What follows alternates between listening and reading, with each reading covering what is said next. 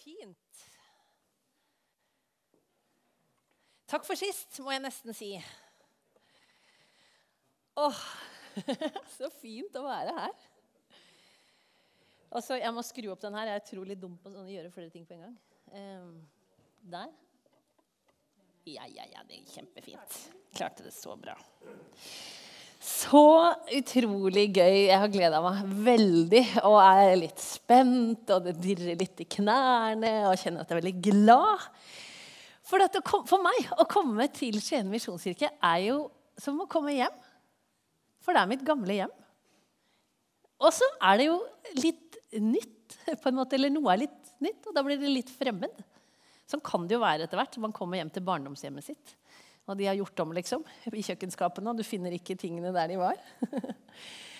Men jeg ser mange gode og kjente fjes og, og kjenner mye godt i hjertet mitt akkurat nå. Og for de som ikke vet hvem jeg er, så heter jeg Kristin Lie. Og jeg eh, var veldig ung da jeg var så heldig at jeg fant denne menigheten her. Og så ble den mitt hjem. Og det er jeg så takknemlig for. Jeg har så mange gode minner, og jeg har så mange viktige erfaringer med meg. Og så bor jeg jo ikke lenger unna Kristiansand, men det føles jo som om et eh, annet sted på den jordkloden. Men dere skulle bare visst, for de som eh, treffer meg stadig, de hører at jeg sier ja, altså i Skien misjonsmenighet. Og ja, altså Solveig Asbjørn de ville nå sagt at uh, Så jeg har blitt en sånn liten uh, reklamedame for det som uh, jeg tok med meg herfra, og som på mange måter har blitt en skatt i livet mitt. Og så kommer jeg tilbake, og så skal jeg liksom få lov å snakke om noe sånn skikkelig litt nedpå. Ikke det at det er mørkt og dystert, men det er kanskje litt det. Vi skal i formiddag bevege oss inn i en sånn, et sted inni oss hvor ikke sola alltid skinner. Og så gjør den jo også det, heldigvis. Kanskje er det deilig at det er på en dag som i dag, hvor himmelen er blå og sola skinner på utsida. Kanskje er det fordi jeg har bikka 40, og eh, livet har på en måte lært meg noen av sine paradoksale lekser, så blir, oppleves det på en måte litt fint òg å kunne snakke om det vi skal gjøre i dag. Jeg er jo litt opptatt av dette med følelser og indre liv og ytre greier. og ja, ja. Eh, og så handler det litt om det der når livserfaringene og trosuttrykket ikke snakker helt sammen. Ikke bare sammenfaller. Når det blir mer et sprik enn det blir en hjelp. Og så lagde jeg en slags arbeidstittel som het 'Når Gud ikke svarer'. Og den er jeg ikke så veldig fornøyd med. Eh, annet enn at den gir oss kanskje en sånn liten pekepinn på hva vi skal snakke om. Men du må gjerne komme med et bedre forslag til meg etterpå. om hva dette kan hete. Noen mennesker har en type eksistensiell kamp med Gud som en kjempestor ingrediens i livet. Andre slipper mye enklere unna. For noen kommer troen lett. Det oppleves stadig som en kilde til liv, og du har nesten alltid tilgang til den kilden, og den gir deg det du trenger. Men ikke alle har det sånn. Og selv om dette kan være veldig forskjellig for oss grunnleggende, så tror jeg kanskje òg at vi kan kjenne oss igjen at så er det kanskje litt ulikt i livets forskjellige faser og epoker. Det er forskjellig å leve. Det er annerledes å være 40 enn 20. Og det blir helt sikkert annerledes å bli 60. Jeg tror uansett hvordan vi har det, og hvem vi er, så har vi en eller annen opplevelse med at vi må leve med en type livssmerte som Gud ikke ordner opp i. Og kanskje kjenne på det paradokset at det Gud som metter liten fugl, ikke alltid tar seg bryet med å se etter meg som såret er. Og kanskje er det noen her inne i dag som har opplevd akkurat det at i livets aller mest kritiske øyeblikk så skjedde ikke det miraklet som du så inderlig ba om. Og istedenfor at Gud opplevdes nærmere og sterkere, og så blei det bare stille. Gud opplevdes taus.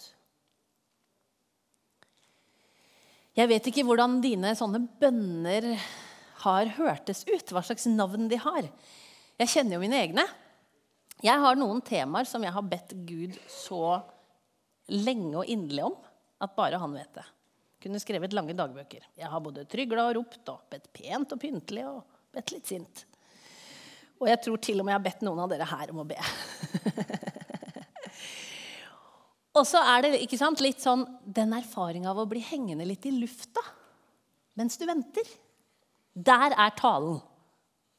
Sånn for å ha plassert oss i lufta. Noen sånne bønner har ikke så tydelig språk, men de er bare veldig tydelige på innsida. Eller i klumpen i halsen, eller angsten du kjenner på, eller frykt, bekymring, stramme muskler, mangel på søvn. Eller de bønnene kan være veldig konkrete. F.eks. For, for det paret som så inderlig ønsker å få seg barn, men bare aldri blir gravide. Eller den arbeidstakeren som har kjent nå, nå vokser angsten for at neste gang er det jeg som blir kalt inn på sjefens kontor. Og det er jeg som får beskjed om at han ikke lenger har plass til meg. Og så kom den dagen, for du får mail. Kan du være så snill å komme inn på mitt kontor? Og der får du beskjed om det er ikke plass til deg lenger her. Hvordan er det å leve med dyp ensomhet som man ikke helt finner veien ut av? Hva gjør det med bønnelivet? Eller det å miste noen man er så glad i at man ikke orker tanken på å leve uten? Eller hva gjør det med oss når ekteskap og familieliv, som skulle være en kilde til liv og en god og trygg ramme rundt hverdagen vår, blir så vanskelig? At det er mye lettere å gå fra det. Eller for de som må leve i relasjon til andre mennesker som er så kompliserte at samme hva du gjør, så blir det galt. Eller den som ber år ut og år inn for et menneske som han eller hun er veldig glad i, om at vedkommende skal få lov å møte Jesus. Så skjer det aldri. Eller hva gjør det med oss når økonomien strander, og kanskje helsa skranter eller svikter? Eller når jeg ikke klarer å la være å være den dårligste utgaven av meg selv. Porno blir avkobling. Altfor mye alkohol. Eller jeg sniker til meg penger som egentlig ikke er mine. Jeg skjønner jo at jeg har et problem, men jeg klarer ikke å gjøre noe med det. Og jeg har bedt til Gud hjelp meg. Men den hjelpen har ennå til gode å dukke opp. Hvordan står jeg i det? Hva gjør det med meg? Og hvordan kan troen være til hjelp i sånne situasjoner? Der det paradoksalt nok virker som om at hele trosprosjektet ikke funker. Hva gjør disse tilsynelatende ubesvarte bønnene med oss? Og hva gjør vi med de? Som dere skjønner, det var ikke så veldig lystig tema en søndag formiddag. Halv tolv. Siden jeg, siden jeg, har fått lov å komme hjem, så tenkte jeg at jeg skulle rett og slett gi dere en bitte, bitte, bitte liten eh, innblikk i min lille trosreise. For vi bærer alle på en trosreise, alle mennesker, knytta sammen med livsfortellingen vår. Eh, og for meg så er det sånn at jeg vokste opp i en kristen familie og lærte å gå i kirken fra jeg var barn, og jeg elska det. Jeg er jo så utagerende sosial at det var helt fantastisk å få lov å være del av en menighet. For det var alltid noen mennesker å se og bli kjent med, et fellesskap å være en del av. Det passa meg helt perfekt. Så jeg ble selvfølgelig en meget aktiv kristen ungdom. Og jeg må jo si det, altså det er jo noen av oss her i dag. Nå har vi blitt grå i håret og Det har skjedd mange ting. Men det var fantastisk å være ungdom i Skien på 90-tallet. Eh, det fantes noe som het Musikkafeen. Eh, det var liksom et eh, kristent sted, i den grad et sted kan være kristent. Eh, der vanka alle de kristne ungdommene, og i en periode tror jeg alle omtrent var på fornavn med hverandre. Vi kjente til hverandre, vi kjente om hverandre. Det ble knytta relasjoner, og det var fantastisk. Og jeg fant jo BMX. Og det var litt av et sted å få lov å utfolde seg. Jeg tror noen syns jeg utfolda meg litt vel mye. Men det var en fantastisk base på en måte å vokse videre ut ifra. Få erfaringer med Gud og utforske livet sammen og med hverandre. Ikke sant, Merete? vi var jo der. Og det var utrolig fint. Og det ga oss mange rike erfaringer. Og for meg så tror jeg, Når jeg skulle oppsummere det for meg selv, så, det litt, så høres det litt sånn ut at det er en slags sånn gjentagende erfaring gjennom livet eh, fram til, altså, fram til jeg var ung, med det at Gud han har mange gode og sterke opplevelser å by på. Det virker.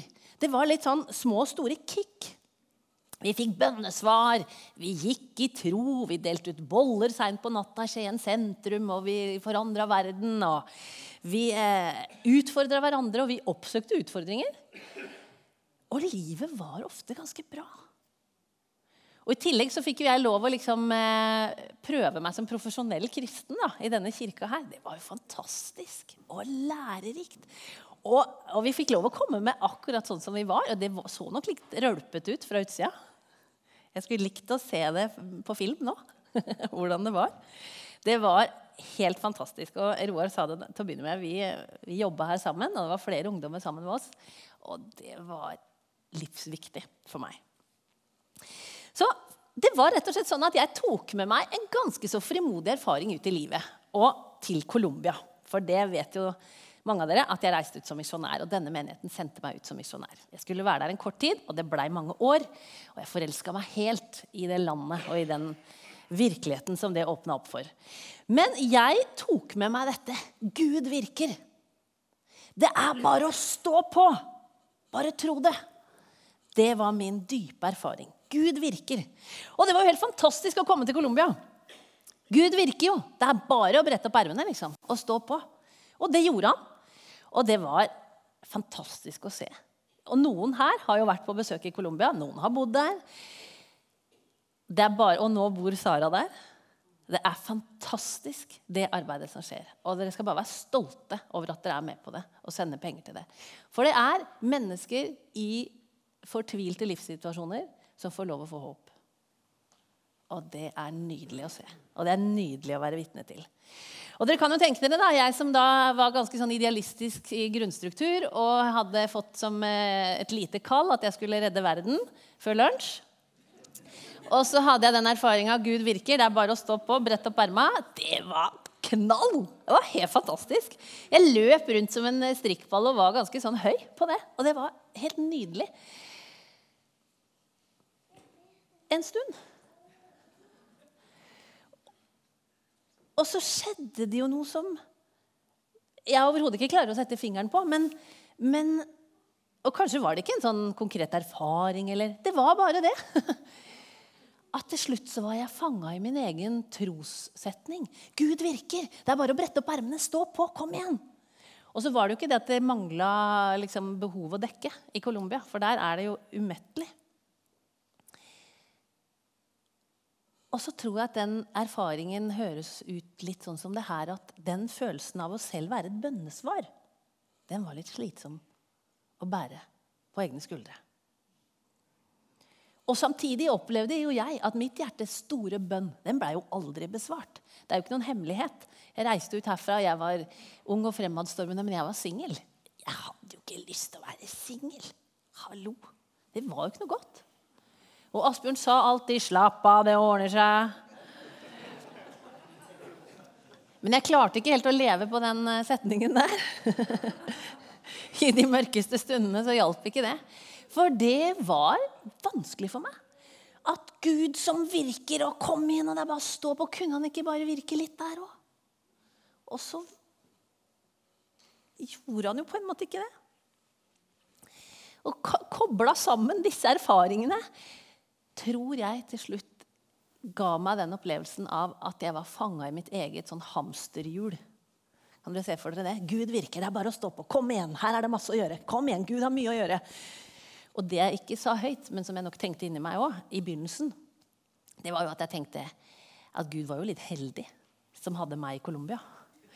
Og det er klart, det ga sånn medisin til bare, eller motor, eh, bensin til å løpe rundt og løpe rundt. Og løpe rundt. Og til slutt så var jeg helt mentalt utslitt av det der eh, hamsterhjulet.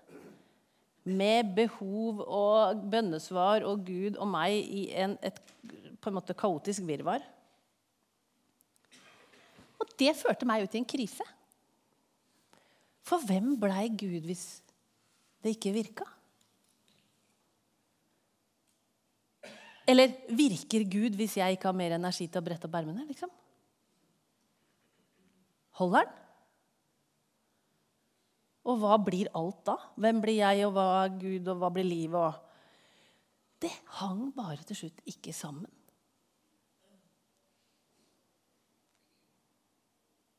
Da skjedde det noe fantastisk.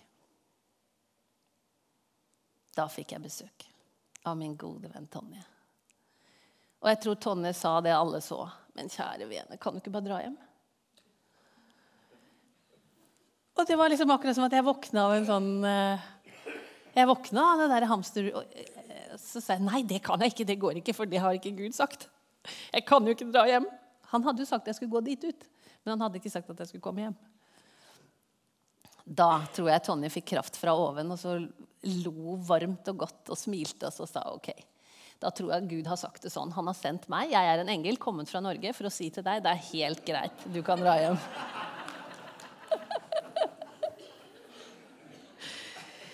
Og det jeg, jeg måtte ha det med teskje. Så fast satt jeg i denne på en måte trosforståelsen. Jeg gråt jo hver dag, lengta hjem, hadde ikke lyst, orka ikke å stå opp. Altså Tegnene var tydelige, men jeg klarte ikke å tolke dem. Og så kom det en fra utsida som hjalp meg å tolke de. Apropos, vi må ikke være aleine. Det er ikke alltid vi klarer å være vår beste venn. Og det var kjempeviktig å få lov å skjønne at Gud faller ikke sammen selv om jeg ikke orker mer. Og Gud virker selv om ikke jeg bretter opp armene. Men det var veldig sånn vakuumopplevelse å gå ut i det. Jeg sa, sa, det akkurat når det hendte. Så sa jeg det føles ut som jeg går inn i et rom som er mørkt. Jeg ser ikke at det er vinduer eller dører her. Jeg tror det er det. Jeg tror lyset kommer på etter hvert. Men jeg ser ingen. Jeg vet ikke hva som kommer. Men det kom jo da et fantastisk bønnesvar for meg. Endelig. Etter mange år hvor jeg hadde liksom Åh, er det mulig å vente og drøye så lenge? For det som hendte, var jo at midt i på en måte den krisa som det var en, opplevde som en dyp krise for meg, så kom jeg tilfeldigvis til Kristiansand, for der var det en liten jobb som eh, lokka meg. Og der møtte jo jeg en mann som også sto, hadde stått i en krise. Han hadde jo opplevd det at de var en familie, mann og kone og to barn. Så ble kona syk. Alle ba. Alle tenkte dette skal gå bra. Vi skal be. Verden over ba de. Men det gikk jo ikke bra. Hun døde, og de sto igjen. Og så er det å møte han og oppleve å få et bønnesvar også å oppleve å møte en historie som har et stort sånn spørsmålstegn i seg. Hvorfor det? Hvorfor sånn?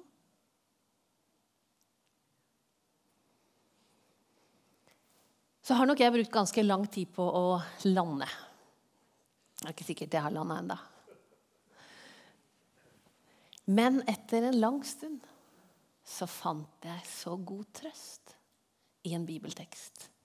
Og nå kommer det, hvis du var redd at jeg hadde glemt Jesus. det står skrevet i Matteus 8. Så steg han i båten han er Jesus. Og disiplene fulgte ham. Da ble det et voldsomt uvær på sjøen, så båten nesten ble borte mellom bølgene. Men Jesus sov. De gikk bort og vekket ham og sa, 'Herre, frels, vi går under!' Han svarte, 'Hvorfor er dere redde, dere lite troende?' Så reiste han seg og truet vindene og sjøen. Og det ble blikk stille. Mennene undret seg og spurte, 'Hva er dette for en?' Både vind og sjø adlyder han. En av de kjente scenene fra Jesus og disiplene sitt liv. Og Hvis du kaster noen blikk på de versene som ligger før teksten, så er det fylt med action. En spedalsk mann blir helbredet. En offiser kommer til Jesus og sier, 'Tjenestegutten min er syk. Vær så snill, kan du ikke helbrede ham?' Og Jesus trenger ikke engang gå hjem til ham. Han blir helbreda bare at Jesus snakker der og da. Peters svigermor, er syk. Hun møter Jesus. Han reiser henne opp fra sykesenga. Et menneske som var plaget av, on, av en ond ånd, blir satt fri. Folk følger etter Jesus. Det er folkemengder, det er trangt. Det er på en måte sånn herlig kaos. Til og med en av de skriftlærde kommer til Jesus, og så sier han, 'Du, jeg vil veldig gjerne følge etter deg.' Disiplene befinner seg midt i begivenhetens sentrum. Jeg tipper at de er like sånn måpende, begeistra, overraska, spent på hva kommer til å skje. Men Jesus er jo helt rar. Ja, det skjer så mye. Det er helt fantastisk. Hva kommer nå, liksom? Denne Jesus var jo helt annerledes enn det de noen gang hadde erfart. Og så var de disiplene hans! Ha! Så går Jesus ut i en båt. Selvfølgelig følger de etter han. Det gjorde de jo. Og for mange av dem så er båten det er jo virkelig deres rette element. Dette kunne de. De var fiskere, flere av de. Ikke alle disiplene, men flere. Og for dem som var fiskere, så hadde de levd størsteparten av livet sitt rundt en båt og i en båt. Havet var de vant med. Og de visste jo også helt sikkert at havet er litt lunefullt. Det byr på overraskelser, det kan komme plutselig storm, det kan skje noe du ikke helt ser. Men ingen av dem visste hvor redde de skulle bli nå. For det blåste opp til storm på et øyeblikk. Og disiplene ble kjemperedde. Og Jesus sover. Midt i de sitt skrekkøyeblikk så sover Jesus. Jeg skjønner jo at disiplene er redde. Og så er det en eller annen, sikkert den mest handlekraftige av de, tipper jeg, som går bort, tar tak i Jesus, rister han våken. Det var ikke sånn pjusking. Sånn eh, 'Nå må du stå opp, jenta mi. Det er snart uh, for seint å komme på skolen.' Men det var 'Jesus! våkn opp! Vi dør!'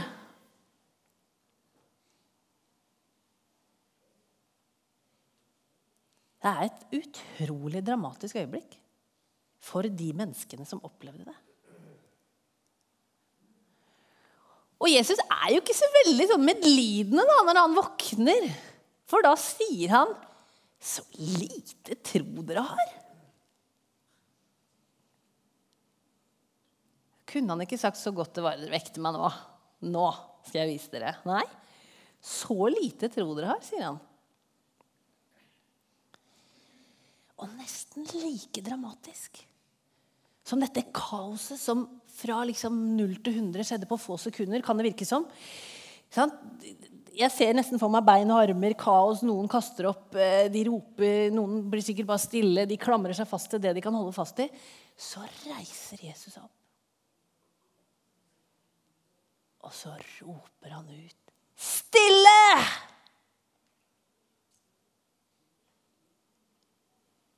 Og så blir det stille. Fantastisk. Det blei blikk stille. Og disiplene, som jo egentlig kjente Jesus Disiplene som var de som hadde vandra med han. og det jo, Dette skjer tidlig i evangeliene, sånn at vi kan tenke at det hadde ikke gått så mange år. De var ikke så bevandra, men de hadde jo vært med Jesus lenge. De hadde opplevd masse. De skjønner. Hvem er denne mannen? Naturen adlyder han.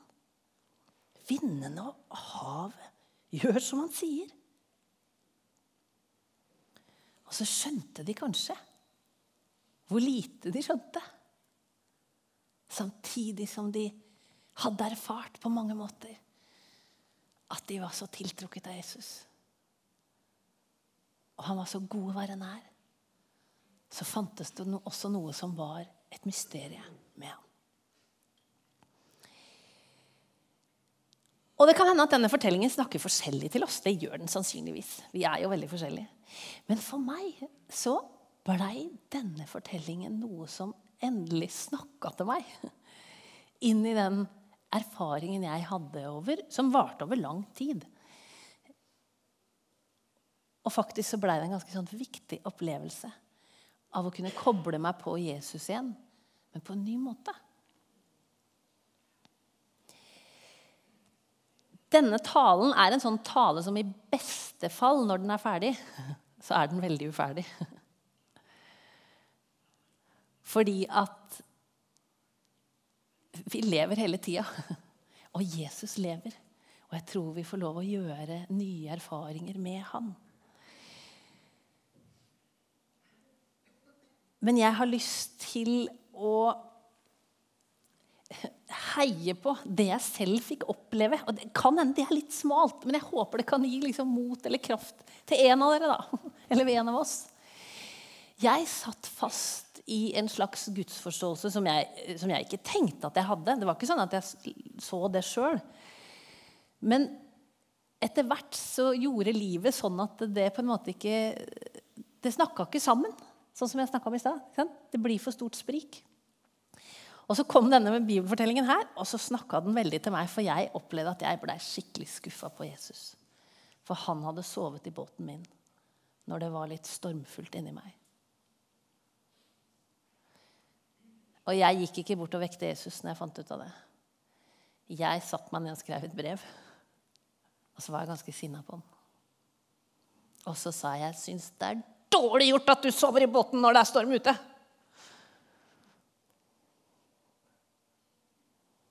Og så bretta jeg sammen det brevet i en bønnekrok.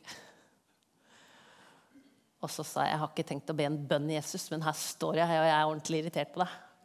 Jeg syns egentlig du har noe å svare for. Jeg bretta jo tross alt opp ermene.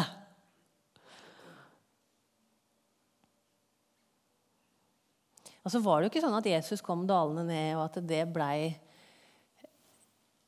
et veldig sånn øyeblikk. Men det blei faktisk et veldig viktig øyeblikk for meg. For like mye som hvis vi skal ta Jesus på alvor, så skal vi jo få lov å ta oss selv på alvor. Og vår, vår trosreise med Han. Og For meg har det vært mye lettere å redde hele verden enn å på en måte redde meg selv. Høres kanskje litt rart ut, men det var ikke så vanskelig å nå ut til de andre men vanskeligere å tåle mine egne følelser og tanker og mitt eget indre sprik. Og så er jo hele målet mitt, eller ønsket med denne talen, det er at vi skal tåle at det finnes sånne sprik. Og at vi skal hjelpe hverandre til å få språk på det. Og at vi skal heie på hverandre. Og at Kirken skal bli et sted hvor min livsfortelling får lov å være. Det er plass for den, det er rom for den. Og så skal vi heldigvis få lov å erfare at det finnes noen andre der som har vært ute i en båt før, eller som har kjent på en storm, og som også har erfart at det finnes en Jesus Kristus som roper av og til 'stille'. Og så kan det bli stille. Også for oss som har opplevd storm. I forberedelsen til denne talen så har jeg snakka med to søstre som opplevde veldig tidlig i livet at deres pappa ble kreftsyk. Og det var veldig alvorlig. Eh, gikk veldig raskt. Og veldig mange mennesker var veldig fortvila over det. Og sto sammen og ba. Dette er jo Kristiansand. Eh, og, og det gikk ikke bra. Jo flere som ba, jo mindre erfarte de, på en måte. Han døde. Og så hadde vi en samtale fordi jeg skulle snakke om dette. Hvordan er det der å oppleve at Gud av og til ikke svarer på bønner som innlysende burde vært lure å svare på? Det ville jo vært et mirakel. liksom. Det ville jo tiltrukket seg masse oppmerksomhet til Jesus. Og Da lærte disse to jentene, nå har de blitt voksne damer, de lærte meg noe som jeg kjenner at jeg virkelig tar med meg i livet det har gjort noe med trosutsagnene våre. Og det har gjort noe med bønnene våre. Vi har blitt litt annerledes. Og så internt har vi blitt forskjellige, sa de. Så der den ene våger å snakke høyt, der tenker den andre det inni seg. Men samtidig så har vi ikke mista troen på Jesus. Men vi har bare erfart at det, at det er på en måte noen, det er noen skår i glasset. Det går ikke bra fordi om du tror på Jesus. Livet er ikke bare enkelt. Men så har de også, sier de, opplevd at det å forstå Guds nærvær, det har de fått et utvida perspektiv på. Og de tar han inn på nye måter. Og de blir ramma av Gud andre, gjennom andre kanaler.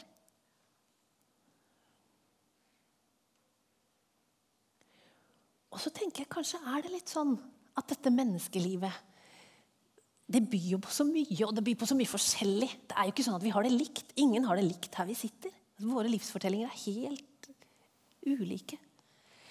Og så tror jeg at en av på en måte polene eller en, en, sånn måte å se det på, det er at man kan tenke at livet det har to poler. og Det er opplevelsen av Guds nærvær, og så er det opplevelsen av Guds fravær. Og Jeg vet at dere skal få besøk av Margrethe, og gleder dere. Det kommer til å bli fantastisk.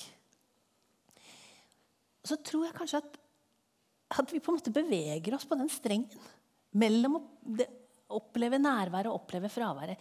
Ikke fordi Gud ikke er Gud, men fordi at jeg som menneske opplever det sånn. Også for meg har det vært krevende å liksom tåle det for meg selv. Få språk på det. Kunne si at det er sånn det er. Kanskje kan det være sånn for noen av dere. Jeg tenker da en ting som jeg har lyst til å Det er jo så vanskelig å lande denne talen. å kjempe sånn med Gud og kjenne litt på det der da, at det er et ganske stort sprik, og at av og til så henger jeg mest i lufta. Så For meg så har det vært viktig å finne trøst i noe. Og jeg har funnet trøst i andre mennesker som har samme eller lignende erfaring, og fortellinger i Bibelen som byr på noe av det her. Bibelen er ganske brutal menneskefortelling. Det er mye smerte, det er mye klage og det er mye problemer, egentlig. Hvis du leser dem med de brillene. Og det finnes mennesker der som kan være et eksempel for oss i møte med kamp. Jakob kjemper med Gud en hel natt. Eh, det finnes kvinner som ikke får barn. I Jobbs bok leser vi om en mann som mister alt. Men han mister ikke samtalen med Gud. Han spør, stiller, roper masse spørsmål til Gud. Og når Gud til slutt kommer, så har de to en viktig samtale. Og Det virker ikke som han får svar på alle sine spørsmål, men han får et møte med den allmektige Gud. Kanskje er det sånn at noen av disse erfaringene opererer som skatter skjult i mørket, som det står om i Jesaja. I de opplevelsene finnes det også erfaringer som vi kan leve videre med og ta med oss og gi til verden. Som kirke så har vi en oppgave i å utfordre oss til å ha et språk som rommer menneskelivet sammen med Gud. Det opplevde jeg at jeg fikk smaken på her. Jeg opplevde at jeg var heldig som fikk lov å gå i denne menigheten og høre om, høre om masse forskjellig. At det er ikke bare én ting. Og så vil jeg si én ting til slutt. Om du har hatt en sånn følelse av å henge i lufta. Eller være et eller annet sted i dette spriket og ikke få det til å henge i hop. Så var det jo en som hang i lufta. Og det siste han sa, Jesus, før han forlot jorda, det var Dere, 'Jeg er med dere alle dager inntil verdens ende'. Og det er ikke over. Det har han ikke slutta med. Så på tross av liksom sånne erfaringer av at jeg kanskje har brodert det litt vel ut, så tror jeg på Jesus som sier Du, jeg er her. Jeg går her sammen med deg. Du går ikke alene. Det er ikke bare deg.